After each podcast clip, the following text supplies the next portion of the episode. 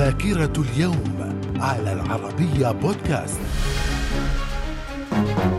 أهلا بكم إلى ذاكرة اليوم الثالث عشر من ديسمبر. ففي العام 1577 السير فرانسيس دريك يقلع من ميناء بليموث الإنجليزي بادئا رحلته حول العالم. وفي العام 1642 المستكشف الهولندي أبل تسمان يصل إلى نيوزيلندا. في العام 1920 عصبة الأمم تعلن عن تأسيس المحكمة الدائمة للعدل الدولي وذلك لتسوية النزاعات الدولية. في العام 1941 المجر ورومانيا تعلنان الحرب على الولايات المتحدة وذلك أثناء الحرب العالمية الثانية. من الذاكرة. في العام 1947 وفي مثل هذا اليوم الثالث عشر من ديسمبر مقتل 12 فلسطينيا بعد أن ارتكبت كتيبة بالماح الثالثة مجزرة بقرية حساس وذلك إثر نشوب خلاف بين عمال عرب ومستوطنين.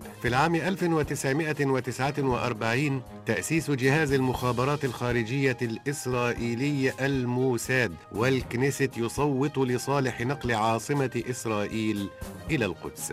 في العام 1967 ملك اليونان قسطنطين الثاني يحاول الإطاحة بالعسكر الذين قادوا ما سمي بانقلاب الأمر الواقع وسيطروا على الحكم.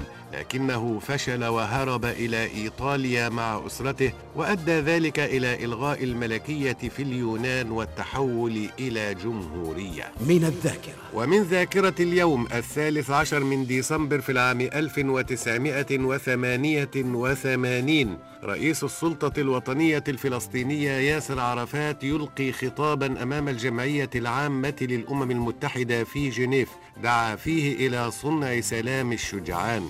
وفي العام 1990 رئيس جنوب إفريقيا فريدريك ويليام دوكليرك يلتقي مع رئيس المؤتمر الوطني الأفريقي نيلسون مانديلا. في العام 1996 انتخاب الدبلوماسي الغاني كوفي عنان أمينا عاما للأمم المتحدة خلفا للمصري بطرس بطرس غالي. في العام 2003 إلقاء القبض على الرئيس العراقي السابق صدام حسين وفي العام 2013 السلطات الكورية الشمالية تعلن عن إعدام جانغ سونغ تيك الرجل الثاني في كوريا وزوج عمة الرئيس الحالي كيم جونغ أون. من الذاكرة. إلى اللقاء.